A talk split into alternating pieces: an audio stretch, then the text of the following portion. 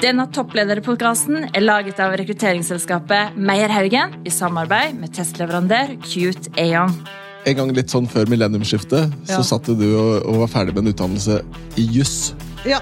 Hva hadde, du tenkt, hva hvis- hva hadde du tenkt hvis noen kom til deg da og sa du, forresten en spåkone som sier du kommer til å bli CEO i Mesta.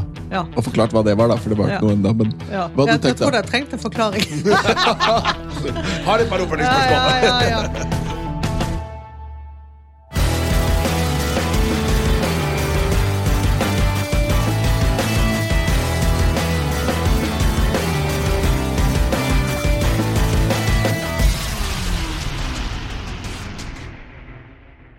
Ja, Sverre. I dag er vi veldig heldige å ha en fantastisk spennende gjest i studio. Ja, og hun heter Marianne Bergman Røren. Velkommen til deg. Tusen takk. Og for de som ikke har hørt om deg, så er du CEO i Mesta. Ja. Altså toppleder. Men kan ikke du fortelle litt om eh, Mesta? Hva gjør dere for noe? Mesta, vi driver med viktig infrastrukturarbeid eh, langs vei og langs bane primært. Eh, vi får folk frem, og hvis ikke Mesta går på jobb, så tror, liker vi å tro at da stopper Norge opp. Ja. Og vi skal jo prate mer om Mesta etterpå, men jeg har lyst til å bli litt bedre kjent med deg, og da har vi vårt klassiske spørsmål, Sverre. Ja, Det vi pleier å spørre om, det er La oss si at vi hadde møttes på en middag, da. Og tilfeldigvis så ender jeg på bord ved siden av deg, og så begynner jeg å snakke om et eller annet helt tilfeldig tema, og så treffer jeg på det riktige, som gjør at du prater i timevis og glemmer tid og sted. Og det er ikke lov å snakke om jobb. Hva skulle vi begynt å snakke om da? Åh, det kunne vært mye, men eh, jeg tror det måtte blitt eh, fisking. Er det sant?! Ja. Så utrolig hyggelig! Ja. Hva, hva slags fiske snakker du om? Er det havfiske? da? Altså, det er alt. Jeg er fiskegæren, eh, og eh, jeg driver med ørretfiske, jeg har vært på laksefiske, jeg driver med havfiske. Altså, gi meg eh, et fiskeutstyr, en fiskestang, en fiskekrok, hva det er, og så er jeg veldig lykkelig. nå Nå skulle altså- du bare sette kroppsspråket til Sverre, Ja. Sverre er veldig fiskeinteressert, han òg. Så nå tenker jeg at dette, er- dette kommer bare til å fiske denne podkasten, ikke toppledelse. Men er du, er, du, er du Du fisker da mye forskjellig? Eh, Men Fisker du da fluefiske også, eller? Jeg har begynt å lære meg fluefiske, og jeg har fått fluefiskekurs av min far nå, så Ja. det gleder jeg meg veldig til å, å gå i gang med, og jeg har prøvd en del. Eh, Så der er, der er et stykke vei å gå, men eh, jeg har landet stor laks i elv, og jeg har eh, Hvor, og det, nå må jeg spørre hvor hvor stor? stor? Ja. 7,2 kilo. Å, herregud. Jeg har prøvd å fiske laks uten å få noe. Det var dårlig, dårlig, dårlig resultat. Men det, ja, det er lett å spore av på det her, men det er Ja. ikke fiske vi skal snakke om. Selv om, Nei, er, er, selv om det, vi du med jakt òg, eller? Nei, jeg gjør ikke det, men jeg har vært med en del på jakt, og vi snuser litt på dette med å kanskje begynne å skyte på fugl. Ja. Eh, Der er vi litt nå. Vi har fått en hund som eh, kan passe til den slags. Vi får se hva vi får tid til det. Det er gøy. Herregud, du er mitt nye forbilde. men, eh, men da må vi jo spørre, da. Hvis du måtte velge jakt eller fotball, hva hadde du valgt da? Jakt. Ja, Det er 1-0 til meg, Petter. Det er 1-0 til Vi har en sånn sak på at eh, jeg er mer interessert i fotball enn jakt. For jeg er null interessert i jakt. Eh, og Sverre er null interessert i fotball. Ja. Ok. ok, men det er en ærlig sak. Vi kan bli venner, vi òg. Ja, ja, ja. Altså, jeg, jeg sier som eh, jeg skal ikke, men, i, mitt, uh, I mitt fars hus er det mange rom, sier jeg. Men uh, vi tenker vi har disse tre kjappe, Sverre. Yes, eh, og Da skal vi introdusere tre spørsmål som du skal få lov til å tenke over, eh, tenke over nå under praten. Og så skal du svare på dem på slutten av dette lille opptaket. Og Det første vi har lyst til å spørre om, det er eh, når man sitter som toppleder, så er det jo ofte fryktelig stor arbeidsmengde. Hvordan kan man klare å balansere det med ja, la oss si fiske, da, for eksempel? For man må få tid til det også. Eller støkkjakt, ja. Eller fuglehundjakt. Eh, Så beste tips for work-life balance, det er første. Nummer to, så er det jo også sånn at som toppleder, og nå vet jo vi at Mesta er i en stor transformasjon, og det kommer vi sikkert inn på etterpå, eh, så er det mange baller i lufta, mange ting som skal følges opp. Har du noen gode tips for selvledelse, for å få ting gjort og holde oversikt og kontroll? Så tips for selvledelse er nummer to. Og så skal vi gå litt personlig på siste, og da har vi lyst til at du skal gi lytterne en bokanbefaling som du tenker dette er en bok som du kan anbefale til de som hører. Og så er det jo til dere som lytter, hva hadde dere svart hvis dere var Marianne sine sko? Og eh, ja, hva er viktig for dere også? Men jeg tenkte vi skulle prate litt om, om av det du var litt inne på da, altså Det er jo et eh, altså du, Er det ikke sloganet 'Vi får folk fram'? Jo, det er helt riktig. Den syns jeg var veldig fin. Ja. Vi liker den. Ja, og så tenker jeg sånn, Hva er visjonen utover å få folk fram, da? Hvis du skal være litt mer konkret, Hva er målsetningen her? Så vi, vår målsetting vi, vi har en visjon at vi sier vi viser vei. Ja. men men eh, vår målsetting det er jo å hele tiden bidra med god infrastruktur i forhold til fremdrift. Altså når folk kjører rundt, eller tar tog. Eh, og eh, det vi ønsker å få til som selskap, er å få stadig smartere, bedre, sikrere og mer bærekraftige løsninger for infrastrukturen vår. Så vi brenner egentlig for den infrastrukturen som gjør at vi kan bevege oss rundt. Og Det er jo, det er jo si, en av livsnervene i et moderne samfunn. Det er Ja. at du kunne transport, transportere oss da fritt i et stort land. Og Norge er jo et ganske spesielt land, for det er jo få folk og store avstander. Det er mye Det- vei per person. Det er veldig mye vei per person, og um, vi har uh, Senest nå forleden dag så var vi ute med en, en, et lite innlegg hvor vi snakker om at vi må ta bedre vare på de veiene vi har. Eh, vi må liksom få opp dette fokuset på å vedlikeholde det vi allerede har. Det er liksom ikke like sexy og like spennende som å klippe snorer på nye veier. Det er morsommere å bygge nytt enn å male mye gammelt. og mye mer, eh, skaper mer entusiasme.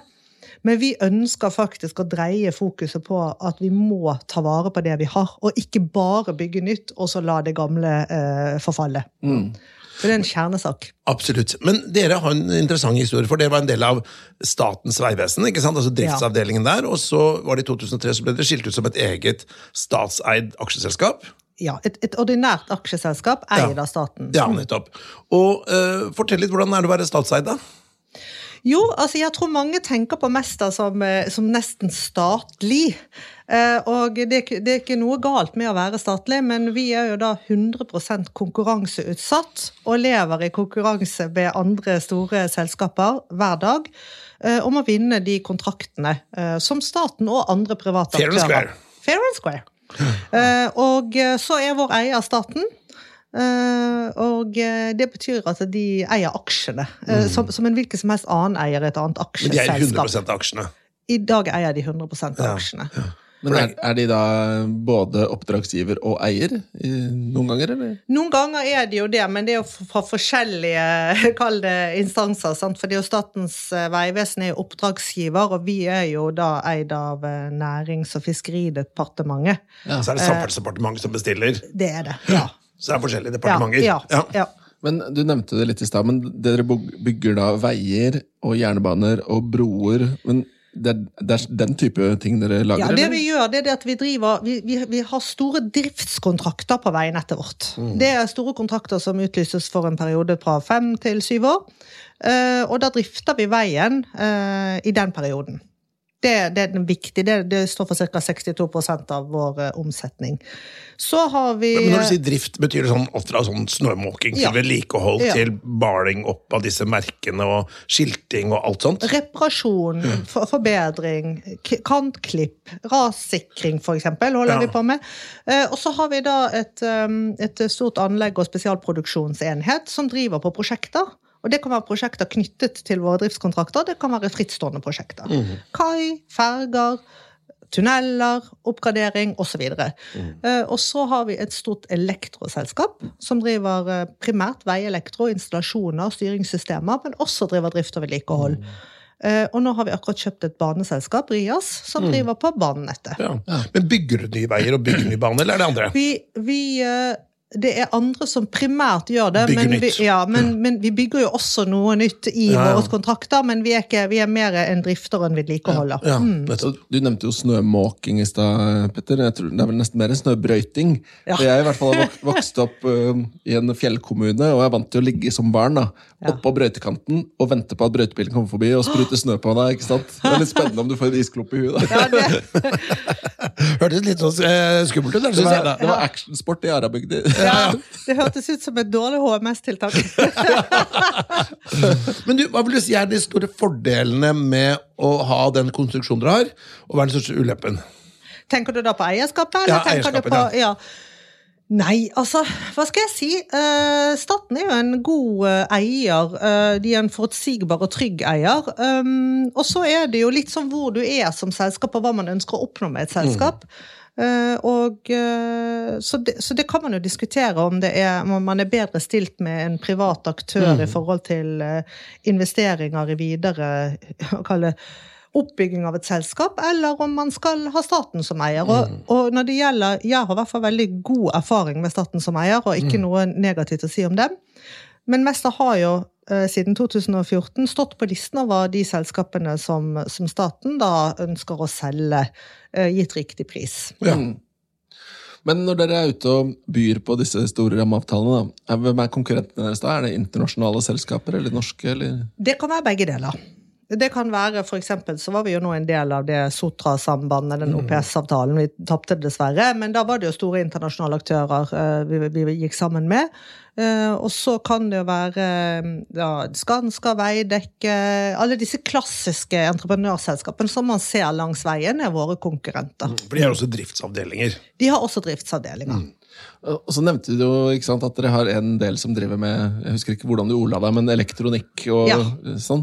Og da begynner vi å bevende oss inn mot en digital sfære. Ja. For De fleste tenker jo på vei som vei er noe fysisk, men det er et, analogt. jeg har skjønt at det skjer mye på den digitale siden også. Det skjer veldig mye, og det skjer veldig mye i Mester. Og jeg tenkte jeg kunne gi dere liksom, Jeg har jo vært i selskapet i to år nå. Jeg kan gi dere en sånn liten peak på hvilken reise vi har vært igjennom, og hva vi har fokusert på, og hva vi har fått til. Uh, fordi eh, Mesta var et selskap som hvor, det hadde stått litt stille på utviklingssiden. eh, og det eh, også, sto også litt dårlig til på kontraktsiden. Man har tatt på seg for stor risiko. Dette har jeg snakket om eh, offentlig, pressen kan si det igjen. Vi har tatt på oss for stor risiko. Vi var nødt til å gjøre noe med vår kontraktstrategi. eh, og vi var nødt til å ta noen ganske store avsetninger for å rydde opp i den porteføljen eh, som vi hadde. Og så få resultatet lagt på, på nytt, på en måte. Um, så gjorde vi også noen reorganiseringer, slik at vi fikk eh, landsdekkende driftsområder. Vi fikk liksom entreprisedelen for seg, eh, driftsdelen for seg, osv. Og, så og vi var nødt til å si farvel til eh, mange medarbeidere for å få orden på vår økonomi. Alt dette brukte vi noen måneder på, å gjøre liksom hele den reorgen da, i bredde. Og så har vi siden det levert gode resultater og fått fokus på det at vi driver en butikk, og vi må tjene penger. Og det må man også tørre å snakke om. Det er, det, det er å drive business. Um, så har vi nå, eller siden det, gått i gang med det vi kaller den digitale transformasjonen. Uh, og vi har satt opp fem kamper vi skal kjempe for å lykkes med, med, med, med dit, vi, dit, vi, vil. Uh, og det er utrolig gøy, det er utrolig spennende. Og det er et, dette området, bygg- og anleggsbransjen, er et område hvor, spesielt i anleggsbransjen, hvor den digitale transformasjonen egentlig ikke har tatt ordentlig eh, fart ennå. Mm. Men det er et enormt spennende mulighetsscenario. Og jeg kan gi deg noen konkrete eksempler på hvordan vi jobber digitalt. For det digitalt kan høres litt sånn fluffy ut, men, men vi har da eh, på eh, åtte av våre driftskontrakter så har vi festet en en løsning som er AI-basert. Den bruker altså den bruker værdata, den bruker masse forskjellig teknologi. Og det er et svensk selskap som heter Klimato. De skanner veien på en helt annen måte enn det vi har hatt fra før. Og ved den veldig veldig eksakte skanningen, så ser de hvor vi skal salte, og hvor vi ikke skal salte. Men når du sier skanne veien, er det disse kameraene du noen gang kjører forbi som står på en stopp? kan, om, de, kan, de bruker egentlig det de kan bruke. Sensorer, kamera, værdata, topografi. Eh, de bruker veldig mange input, og så lærer de seg opp etter hvert som man har kjørt frem og tilbake, så lærer de seg veien. Ja. Eh, og da vet jo alle dere som kjører på en vei, at når det er glatt, så er det ikke glatt på hele veien. Det er Nei. glatt noen steder. Og hvis jeg forteller dere at du bruker 10 000 tonn salt på en stordriftskontrakt i året, så skjønner dere at det er ikke heldig for uh, vårt uh, miljø. Nei. Det er også faktisk et problem for klimaet, for man importerer den eh, salten fra Afrika. Oh, ja. Så, så, så det, det, liksom- det, det, det er mange fordeler ved å prøve å gjøre noe med dette.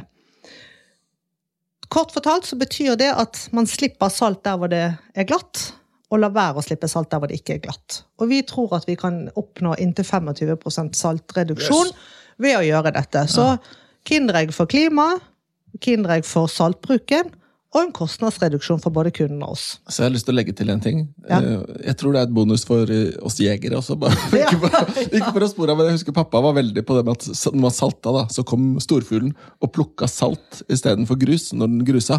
Og at det gikk utover skogsfuglbestanden. Ja. Så tenk Ja. på det. Ja, ja.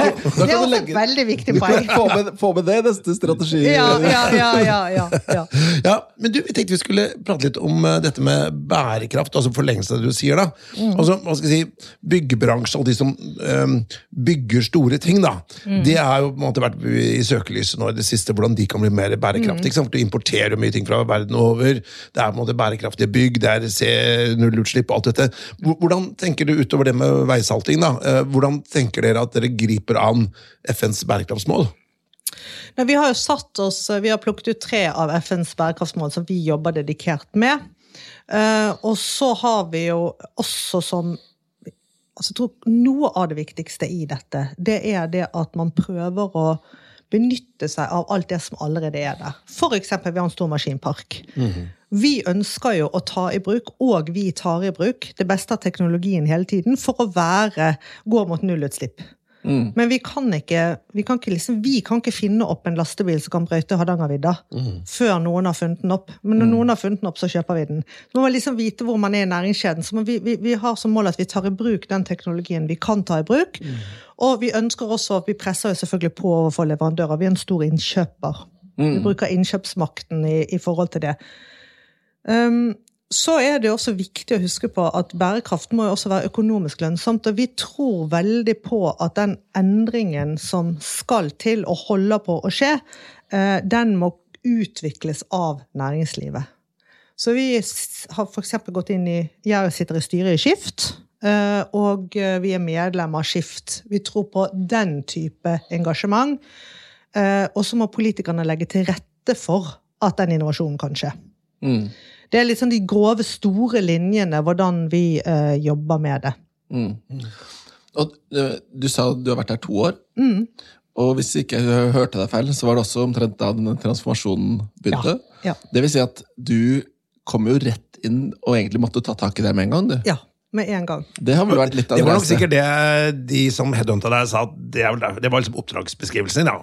Transformer denne organisasjonen. Ja. Bærekraftig og mer lean, tjene mer penger. Ja. Kjøre en ordentlig turnaround. Ja, de- det var stillingsbeskrivelsen din. Det, det var i hvert fall et ønske om at det skulle skje noe.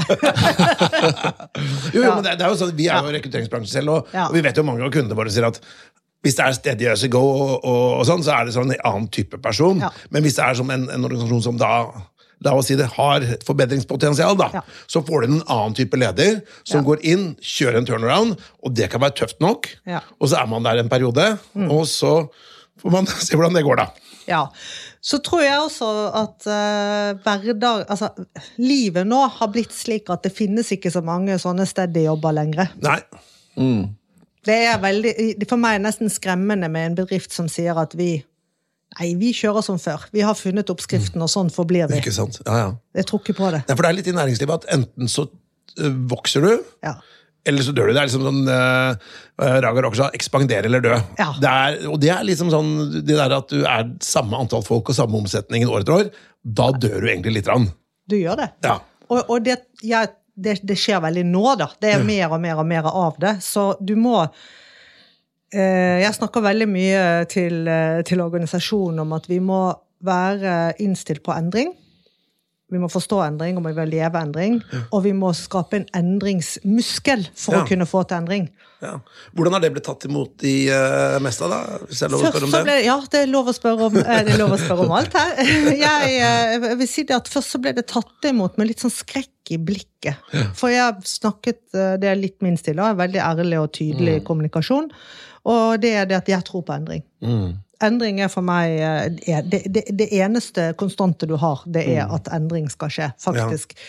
Og derfor så uh, har jeg snakket om det hele tiden, men jeg har prøvd å snakke om det med noe som etter hvert kan inspirere deg og motivere deg til å være med på en morsom og gøy reise, fremfor å stå stille. Ja. Og det må jeg si at den mestergjengen, de har altså fra at de så på meg med frykt i blikket, så har det nå eh, Altså det er en drive og en giv og et engasjement i den organisasjonen. Og det kommer liksom utvikling underfra, og det er det beste som fins. Det er jo så gøy. Så, eh, så her eh, Vi har f.eks. en ansatt som har liksom funnet den digitale grøntprosessen. I sin egen kjeller med sin egen server. Har han laget den? Ja. Men man har jo en lang historie av hva skal vi si, tidligere offentlige bedrifter da, som har gått gjennom en transformasjon. ikke sant? Du hadde altså, Telenor, du har hatt Vy, du har hatt egentlig ganske mange som da på en måte har klart det egentlig ganske bra. Det Ja. gjør det bra, og, og det må jeg si har vært ganske imponerende over at, eh, at det har gått egentlig ganske bra med mange av de, de store organisasjonene der, som har hatt en offentlig eier. Ja, og det, det, og det er skryt og kudos til det offentlige. For Ja, ja. De, er, de er jo trygge, gode eiere. Ja. Og de har veldig mange flinke folk som har tid til å på en måte sette, sette riktig fokus i forhold til hva som er forventet av deg. Hva du skal levere på. Ja. Men hvis du skulle sett litt inn i glasskula da, og skulle sagt at eh, ah, disse tre tingene her, de skulle jeg likt, eller de skulle jeg likt å fått til i løpet av på min vakt fra nå av, hva skulle det vært? Jeg skulle likt at uh, når du uh, søkte jobb, enten som lærling eller nyutdannet ingeniør, uh, så sto Mesta høyt oppe som et av de alternativene der du hadde lyst til å begynne å jobbe. Ja. Det hadde vært veldig, det hadde vært veldig motiverende. Og så skulle jeg likt at vi lyktes med våre fem strategiske kamper, og da vil jeg trekke frem bli bransjens digitale mester. ja. Eh, og så skulle jeg likt at vi tjente enda mer penger. Ja, ikke sant? Men de to første hadde bidratt til det, sannsynligvis. Selvfølgelig. Ja, ja. Ja. Bra. Men jeg har et spørsmål. Ja. Eh, en gang litt sånn før millenniumsskiftet Ja. så satt du og, og var ferdig med en utdannelse i juss. ja. Hva hadde du tenkt, hva hva hadde du tenkt hvis noen kom til deg og sa du, eh, forresten, en spåkone som sier du kommer til å bli CEO i Mesta. Ja. Og forklart hva det var, da, for det var ikke Ja. noe ennå. Men Ja. hva hadde Jeg, du jeg tror det trengte en forklaring. Har et par oppfølgingsspørsmål. ja, ja, ja. Nei, vet du hva, jeg hadde ikke skjønt bedre, tror jeg. jeg men, men det er jo litt artig at du spør, fordi veldig mange Jeg har jo uh, snakket med mange toppledere, om hvordan blir man, og hvordan tenker man, og planlegging og så. Og den, den liksom sannheten eh, for meg, da, hvis man skal være helt ærlig, og det skal man, det er det at jeg har egentlig ikke hatt noen plan. Eh, men jeg har hatt masse energi og drive, og syns det er veldig gøy å Altså, bli engasjert. da. Det er gøy å levere, gøy å jobbe. Ja. Og så har jeg vært mye mer opptatt av to do than to talk. Ja, ja. Det er noen som sa at godt gjort er bedre enn godt sagt. ja. Men, men hva, jeg- nå må, Kanskje jeg foregriper litt på, på personlighetsbiten vi skal snakke om etterpå, men var du liksom sånn der leder i sandkassa når du var liten? Nei, jeg var egentlig ikke det. Jeg skulle nok gjerne Satt i russestyret eller var Ja, elevrådstall? ja, litt etter hvert, så men jeg, men jeg var nok faktisk ganske forsiktig som barn. Men eh, det har jeg tatt, har tatt godt igjen siden. Eh, altså, jeg begynte med, med friidrett, individuelle prestasjoner, og, og, det, var, det vekket nok noe litt mer sånn ønske om å vinne og lykkes. Men jeg, helt ærlig, det, det var ganske sent i karrieren at jeg begynte å peile meg inn mot leder. Eller noen peilet meg inn på at du kan lede dette. Ja? Så det var ikke så veldig gjennomtenkt. Men gud, så gøy det er. Men hva tenker du er, hvis vi snakker om toppledelse, da. Ja. eh, Hva tenker du er forskjellen mellom å være toppleder og mellomleder? Største forskjellene? Jeg, jeg tror at det, det, er en, det, er en, det er en større oppgave på alle mulige måter. At det er større ansvar. Eh, Det er, veldig mange snakket til meg om at det er litt sånn ensomt på toppen, og det er det. Det er en, eh, det er en annerledes måte å lede på. Men, men det er jo hardt arbeid å være mellomleder også. Uh, og så er det dette som er et av disse oppfølgingsspørsmålene du har til meg. Da. Det er jo dette med virkelig vite hvordan du skal prioritere eh, til enhver tid. Og klare å ramme riktig. Uh, og der er du litt sånn ensom, så du må liksom passe på at du har gode konstellasjoner rundt deg som du kan, eh, kan få snakket med og diskutert, og, og, og, og la det surre og gå litt i hodet. Hva, hva ser du etter da i en toppledergruppe? Hva trenger du rundt deg for å lykkes? Jeg trenger mangfold. Og jeg trenger mangfold som, eh, som eh, man også lar få lov til å virke. For det er veldig fint å liksom bare plassere inn noen, eh, noen med, de, med riktig bakgrunnen, og så, og, og så la være å bruke det. Og da kan du egentlig bare la være å gjøre det. Så du må liksom orke at noen sier deg imot, at noen utfordrer deg, at du er veldig, veldig bevisst på at det ikke er du som har svaret. Det er Du skal sørge for at de andre til sammen kan skape svaret. Så du har plukket, eller rekruttert, eller valgt ut en ledergruppe med det? Det har jeg. Eh, når jeg begynte i Mester, så tror jeg det var Eller for å si det et halvt år før jeg begynte i Mester, så var det bare menn. Eh, og nå er vi 50-50. Ja. Eh, Men det er liksom kjønnsbalansen. Det andre er at vi også har da forskjellig Vi har forskjellig bakgrunn, forskjellig utdannelse, kommer fra forskjellige bransjer. Og til og med en svenske. Så det er veldig bra. Det er, det er viktig. Det er mye av forklaringen på hvorfor vi har lykkes så fort. Du, det jeg tenkte å spørre om, det er um, det er en sånn uh, godt ord som uh, sier på dette her med at uh, kan man være toppleder for hva som helst? Er, uh, eller må du på en måte må du som en skomaker bli vid en lest? Hva tenker du om det? Personlig så tenker jeg at man kan bli toppleder for kanskje ikke hva som helst, men det er ganske bredt hva du Altså, det er en ganske det er ganske mange ting i det å drive toppledelse som er likt fra firma til firma. Ja. Um, og jeg har jo skiftet bransje. Sant? Jeg begynte jo som forretningsadvokat. Jeg så på CV-en din at du, Ja. har, du har vært innom mange steder. Ja. uh, og jeg har eh, Så jeg har jobbet liksom et, et, et tiår som forretningsadvokat. Så jobbet jeg 12-13 år i finansbransjen, og nå jobber jeg i bygg- og anleggsbransjen. Ikke sant? Så du kan eh, Jeg tror du kan transformere mye av dette med ledelsesfaget. Det tror jeg du kan bruke bredt. Og kanskje en fordel at du har vært innom mange steder. Ja, men, men har du merket for eksempel at hvis man da kommer i et veldig sterkt fagmiljø da, altså jeg jobbet tidligere i Norges Bank, eh, og der tror jeg det kunne vært ganske tøft hvis du ikke var tung fagøkonom og skulle Ja. lede Norges Bank. Eh, så tenker jeg på denne organisasjonen her, altså Meyer Haugen, kunne man da ikke kunnet noe om rekruttering og vært leder her? Kanskje, kanskje ikke. Eh, men, men det er noen miljøer hvor det, eller et advokatfirma, kunne man da vært en ikke-jurist, da, som de sier. Altså, det er, det er eh, Noen organisasjoner er det lettere enn andre, tror jeg, kanskje. Ja, det tror jeg du har helt rett i. Det, det er ikke noe tvil om. Sant? For eksempel å være altså, Advokat er et fag, og et advokatfirma er jo stort sett bare advokater. Ja. Så, så, så ja. Men eh, du kan jo ha en hamrende god eh, økonom til å lede advokatene. eh, hvis man legger til rette for det. Jeg eh, Det som i hvert fall jeg er sikker på, det er det at det er noe likt i det å være leder. For hva er, hva er det du skal få til som leder? Sånn at du skal inspirere en gjeng til at de får liksom produsert det beste de kan klare. Eh, og det er jo ganske likt. Ikke sant? Har du en lederfilosofi? Ja, det har jeg. Jeg har mange lederfilosofier. Kan, kan, få, få høre. Jeg tror på autentisk ledelse.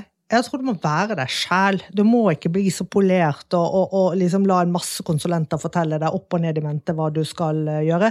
Du må være autentisk og ekte, og, og, snakke liksom rene ord for penger. Jeg tror det må være tydelig, at det skal være klart for folk hva er det hun prøver å si nå. At ikke man skal gå og liksom tyde det i, i alle retninger. Eh, og så tror jeg tror jo på det der at hvis du klarer å tiltrekke deg flinke folk, så må ledelsen komme frem med hva det er vi skal oppnå. Og så må de finne den veien selv, og det er det de syns er gøy. Det er jo ikke noe gøy hvis noen fotfølger dem og forteller dem at du skal gjøre det på denne måten og på denne måten. og på denne måten. De må finne veien selv. Det er det jeg tror er inspirerende og motiverende. Du må skape et, et, et, et miljø hvor folk kan bli inspirert og motivert til å faktisk gå med den. Folk har jo lyst til å levere, de har lyst til å produsere. Og så må du da, den litt sånn kjipe biten av det, det er at du må være Du må kreve disiplin og struktur. Fordi det der med liksom moderne ledelse, det, det kan veldig fort gå feil. Man tror at jeg skal liksom bare delegere alt fra meg ut i en eller annen sånn, og så kommer de tilbake med fantastiske resultater. Det må følges opp. Det må være disiplin. Det må være tydelig hva liksom, Hvor er du henne? Du må gjøre disse avsjekkene og avstemningene og følge opp at det faktisk skjer. Så er tydelig på at du krever leveranse. Men liksom, sant? Her, er vei, her starter vi, og så går du ut. Og så når du kommer tilbake, så forventer at du har levert. Hvis ikke må du være tilbake til meg og diskutere hvorfor det ikke skjer. Så, jeg, Tenkte vi skulle, du, dette her var mye å, å, å tenke på, da. Men jeg tenkte vi skulle gå litt opp til personlighet. Sverre. Ja, det, det kan vi gjøre. Um, for vi, vi Nå har vi jo snakket litt om deg allerede, Ja. og tjuvstarta litt på så, for så vidt. Og, og kanskje nesten også blitt litt bedre kjent med deg. Men eh, første spørsmål, da. Er, kjenner du deg selv? Ja, altså, jeg tror jeg kjenner meg selv. Eh, Jeg prøver å være god på å be om feedback og tilbakemelding på hvordan er jeg. For det, en ting er at man, man, man kjenner jo alltid seg selv, men andre kan jo oppfatte det helt annerledes. Ja. Så det å prøve å line de to tingene kan jo være krevende. Og, men det er veldig viktig at du som annet toppleder gjør da. Ja. Våger å utforske det. Det tror jeg er viktig i, også som ikke-toppleder. Det vi ser er at veldig mange som feiler i jobbprosesser, så er det fordi de ikke helt forstår sin egen motivasjon, sin egen kompetanse og eller hvem, hvordan de oppfattes. da. Mm. Ja. Men uh, du nevner at du har jo da jobbet litt aktivt med det. Har du fått noen øyeåpnere? Å ja da. Mange ordentlige nesestivere. Det er jo veldig morsomt. Nei, Jeg husker jeg en gang sto på en scene, jeg var på et eh, utviklingskurs, sto på en scene i London og, og hadde fått beskjed om at jeg skulle holde et foredrag. Jeg kunne velge tema selv. Og alt jeg var opptatt av, det var at dette skal jeg bare naile. Jeg skal bare vise hvor flink jeg var, hvor dyktig jeg var. Jeg ville at alle de som sa jeg var på kurs sammen, skulle bare klappe og si åh, hun er bare så dyktig. Og det skjedde, de klappet og sånn, og så sier hun coachen etter en stund, så sier hun ja, syns dere dette var så bra, da? Ja, det var fantastisk og sånn. Ja, men liksom, hadde dere turt å stille henne et spørsmål? Nei. Ja, hvorfor ikke det, da? Nei, litt sånn vanskelig og sånn. Ja, fordi at dere ville følt dere dumme. Ja. Ja. Ja, var det bra da, da, egentlig? Gå ut igjen og kom Ouch. tilbake og snakk til oss på en måte som gjør at vi kan Litt mer ydmyk. Så vi kan nettopp, sant? Ja.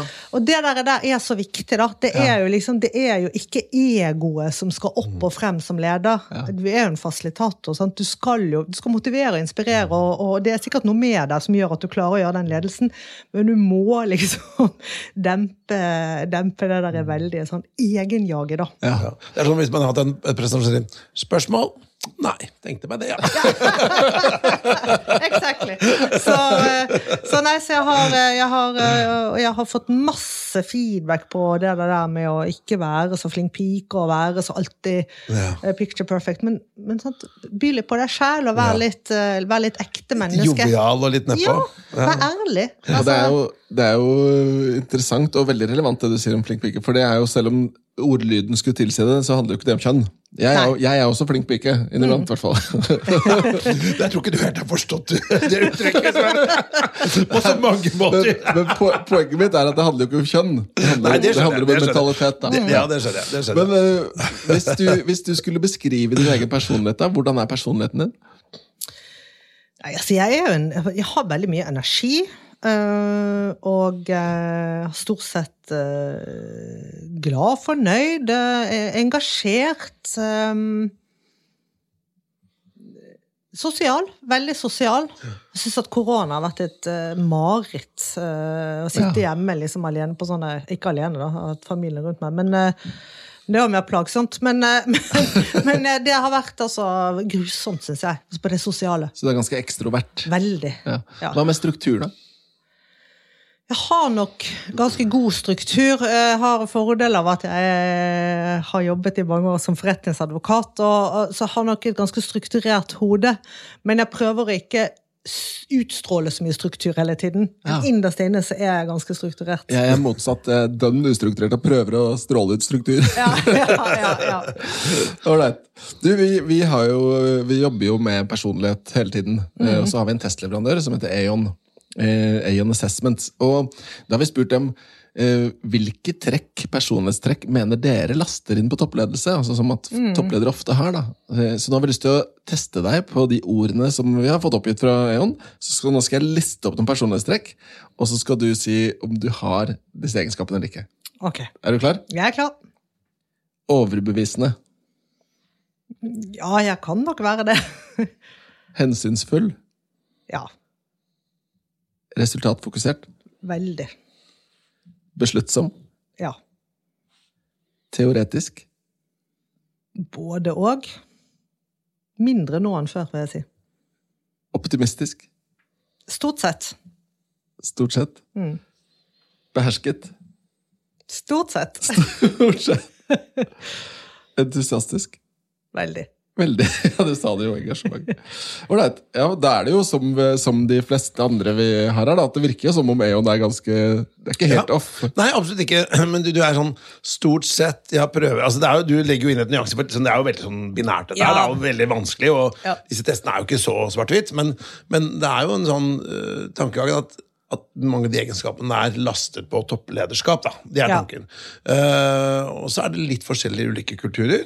Eh, det er jo tanken at I Norge eller Skandinavia så bør man være litt mer flink med folk, litt varmere enn f.eks. i sånn uh, anglosaksiske kulturer. da, hvor, Ja. måte, hvor, hvor er du toppsjef, så, så For det er mange nordmenn da, med, ja, som, som har blitt toppledere i andre land.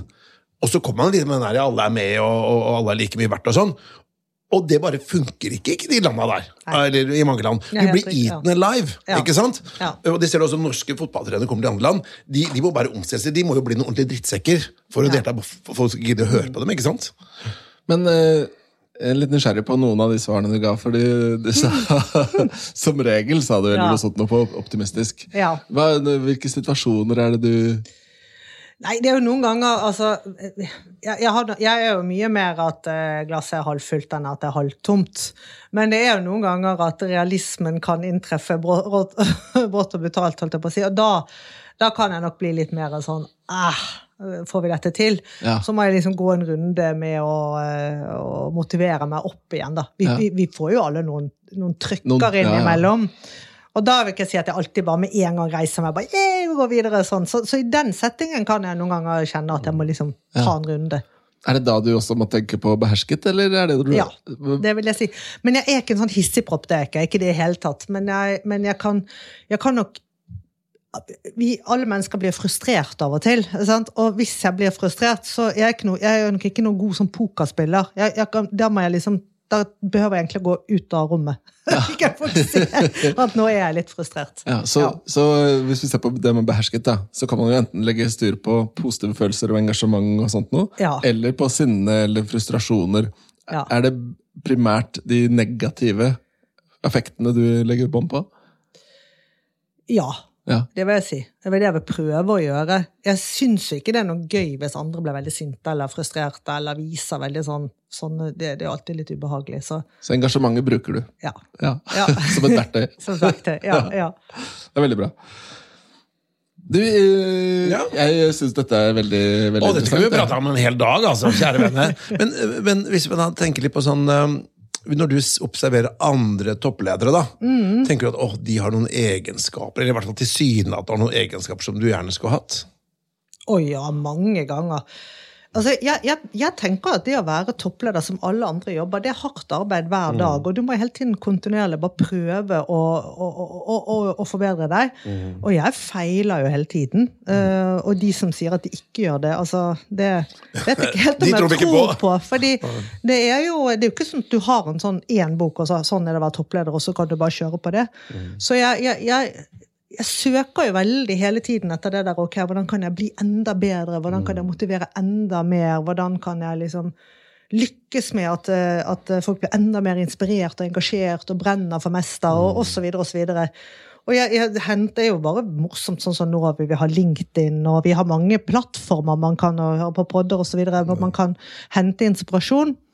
Så det er veldig mange flinke folk med veldig mange eh, med gode innspill. Og så må man finne sine mantra, da, sine greier. Sant? Jeg er liksom rågod på gjennomføring. Det er at Altså, Du må få ting gjort, da. Så man passer på at man ikke blir for teoretisk. Altså, du må liksom drifte noe fremover. Så gjennomføringsevnen er din sterke. Gjennomføringsevnen er min aller sterkeste side. Ja, Det var der, du, der, ja. der jeg satt eh, på resultatfokus, at det er to haker. For der var du veldig ja, tydelig. ja, ja, ja. Det, sant? Du kan snakke om veldig mye, men det må liksom, implement- det må liksom øh, omgjøres til noe konkret som skal, skal gjøres. Ja, men, ja. Jeg, bare av nysgjerrighet, da. Ja. Hvordan balanserer du det opp mot si menneskefokuset? da? For det, det er jo noen ganger du, man må bare ta noen grep og gjøre noe for å få ting gjort. Mm. Ja. Og så er det misnøye rundt om organiseringen. Ja. At Igjen, kalle en spade en spade. Guys, nå sliter vi. Dette må vi bare få gjort. Altså, bli med, dra dette lasset sammen. Vi kommer på andre enden av det, så, har vi, så er vi der. Det blir veldig altså, Du må liksom tegne det bildet, da. At, uh, altså, få det til å gi mening. Mm. Du må vite hvorfor vi gjør dette. Mm. For det var det som var min tanke også. At, liksom, man tenker resultatfokus, ja, jo, alle er resultatfokusert, men resultatfokusert bør ikke nødvendigvis være motsatsen av å være fokusert på ikke-resultater, men det kan jo være fokusert på prosess. Ja. ikke sant? Ja. Og hvis du jobber med kunnskapsmedarbeidere, så kan du si at en prosjektleder Mm. kan være mye mer resultatorientert, for du, du ser kanskje aldri de folka igjen. Men hvis du da på en måte er en, en linjeleder, Mm. så må du jo ha med de folka i årevis. Du må det. Ja. Ja. Og jeg tror det er litt sånne enkle knep. da. Det er sånn Hvis du har et internt møte, det er ekstremt viktig å ha litt god struktur på. For ellers så kan det fort bare bli et sted man setter seg ned og prater sammen, Ja, ja. og så går man hver til sitt. Ja. Så hvorfor hadde man egentlig det møtet? ja. Ikke sant? Så det er liksom avslutter et sånt møte med å si ok, og hva gjør vi med dette? Og hvem gjør hva? Og når, Mm. når sjekker vi opp på at det faktisk skjedde? Det Det er noe å ta med seg. Det er noe å ta med seg. Men jeg tenkte vi skulle gå på disse tre kjappe. Sverre. Ja, og da nevnte jeg jo spørsmålene for deg i starten. Ja. Uh, og det første handler om hvordan man klarer å balansere jobb og et liv utenfor jobben. Hva er dine beste tips? Eller ditt beste tips? Altså, jeg vet ikke om jeg har noe sånn universelle tips. Det jeg gjør selv, er at eh, jeg prøver å koble av eh, innimellom. Altså ta litt sånn timeout. Og så får man finne sine måter. Noen liker å meditere, noen liker å uh, gå en tur osv. Jeg, jeg liker å enten gjøre noe sammen med ungene mine eller mannen min, eller veldig glad i å gå en tur, og faktisk uten musikk eller noe på ørene i det hele tatt, bare med bikkja, og få inn naturen. Og da, da, da kobler jeg av. Det kan godt hende jeg går og tenker på ting, men jeg kobler veldig godt av. Veldig glad i å løpe en tur i skogen. Gå en tur med venninnen og skal snakke om noe helt annet. Sant? Eh, Det, det, det for meg fungerer. Og så tror jeg det er ekstremt viktig når man er eh, toppleder, det er det at eh, det er noen som sier at man aldri skal ha fri. Man har aldri fri, man er alltid til stede. Ja, selvfølgelig. Altså, jeg kan ikke si at jeg ikke leder for Mester hvis et eller annet skjer. Men jeg tror inni deg selv så må du kjenne at nå har jeg faktisk fri. Nå har jeg en pause. Det er viktig. Mm. Det er en øvelse, det, tror jeg. Altså. Ja, det er en øvelse. Um, og så nummer to, spørsmål nummer to handler altså om det vi var touchet litt innom i stad. at Det er mye som skal gjøres. Man må klare å prioritere, ta gode valg og, og få ting gjort. Hva er ditt beste tips for selvledelse? Jeg tror det veldig kjedelige svaret er struktur. Du må finne deg en struktur som passer for deg selv, og være litt tro mot den. Og hvis ikke, så er du Jeg hadde i hvert fall vært sjanseløs. For det er klart at eh, mengden av folk som både vil inn til deg og vil nå deg, og tilbud du får på det ene og det andre Hvis ikke du har en struktur rundt det, så blir det spist opp. Hva, hva er din struktur, da? Nei, min struktur er Altså, jeg bruker noen verktøy, da. Jeg, Du er veldig streng gatekeeper, sikkert. Ja, jeg har en streng gatekeeper. Det har jeg. Og det må jeg ha. Eh, og så har jeg eh, satt bort kalendervedlikehold, hvis jeg kan kalle det det. Jeg booker ikke ting selv. Og det er fordi at da blir det skapt en struktur for meg. Uh, og så har jeg noen uh, sånne hull i kalenderen som er busy. Og de er Altså, det, det skal virkelig være krise om de skal tas til møter eller sånne ting. Og de bruker jeg da til å gå igjennom og forberede meg, og liksom sånn jeg får prosessert eh, ja. Så, og så er jeg veldig tro mot det som vi har som vår, vår strategi, våre kamper, det vi jobber mot. Og så har jeg da metodikk for å, for å hele tiden tenke hjelper dette her? Ja. Mm. Det er et godt tips. Spennende. da. Mye å lære her, altså. Mye, mye levd liv og dyrekjøpte erfaringer. Har sikkert ikke alle svarene, men man finner sin, Ja, ja. sin måte, da. Ja. Vi skal ta det tredje spørsmålet også, og da skal vi gå litt, eh, litt eh, løsere. For nå skal du få lov til å komme med en bokanbefaling på en bok som du tenker de som lytter, kanskje ville sette pris på. Ja, og det kunne jo vært veldig mange bøker og litterære spennende bøker. Jeg er veldig glad i å lese det også, men jeg tenkte jeg skulle gi en bokanbefaling eh, i forhold til det med ledelse, og få til det som vi har snakket en del om, gjennomføring i praksis. Det er en bok som heter Radical Focus, av en som heter Christina Wotke. Eh, Den er ikke lang, og den er ikke veldig tungt lest, men den har utrolig mye, syns jeg, da, bra for seg i forhold til dette som altså OKRs eller KPIs, eller hva man ønsker å, å bruke, da. Eh, Så den kan jeg anbefale varmt. Ja, Den må vi kjøpe inn, Petter. Absolutt. og for du, du sa litt før sending at dette handler også litt om dette med oppstart, råd og Ja. tips i forhold til å bygge bedrifter og få det til å bli? ja. Så, så, så det handler jo om eh, Ja. Ja, nei, men- ja, det handler om det. Det handler om, eh, om liksom hvordan, hvordan man får en bedrift til å fungere, rett og slett. Og, og hvor man går feil, og, og hva må man ha fokus på. Mm, spennende. Du, Jeg har lyst til å gi deg en siste utfordring litt sånn på sparket. Ok. Eh, og det er, hvis, eh, vi, vi, har jo, vi kjører jo en del av disse intervjuene med toppledere i ulike organisasjoner, offentlig og privat sektor. Hvis du skulle sendt ett spørsmål videre til en annen toppleder, som du kan høre eh, vedkommende reflektere over, hva lurer du på? Hva kunne du tenke deg å høre noen andre svare på?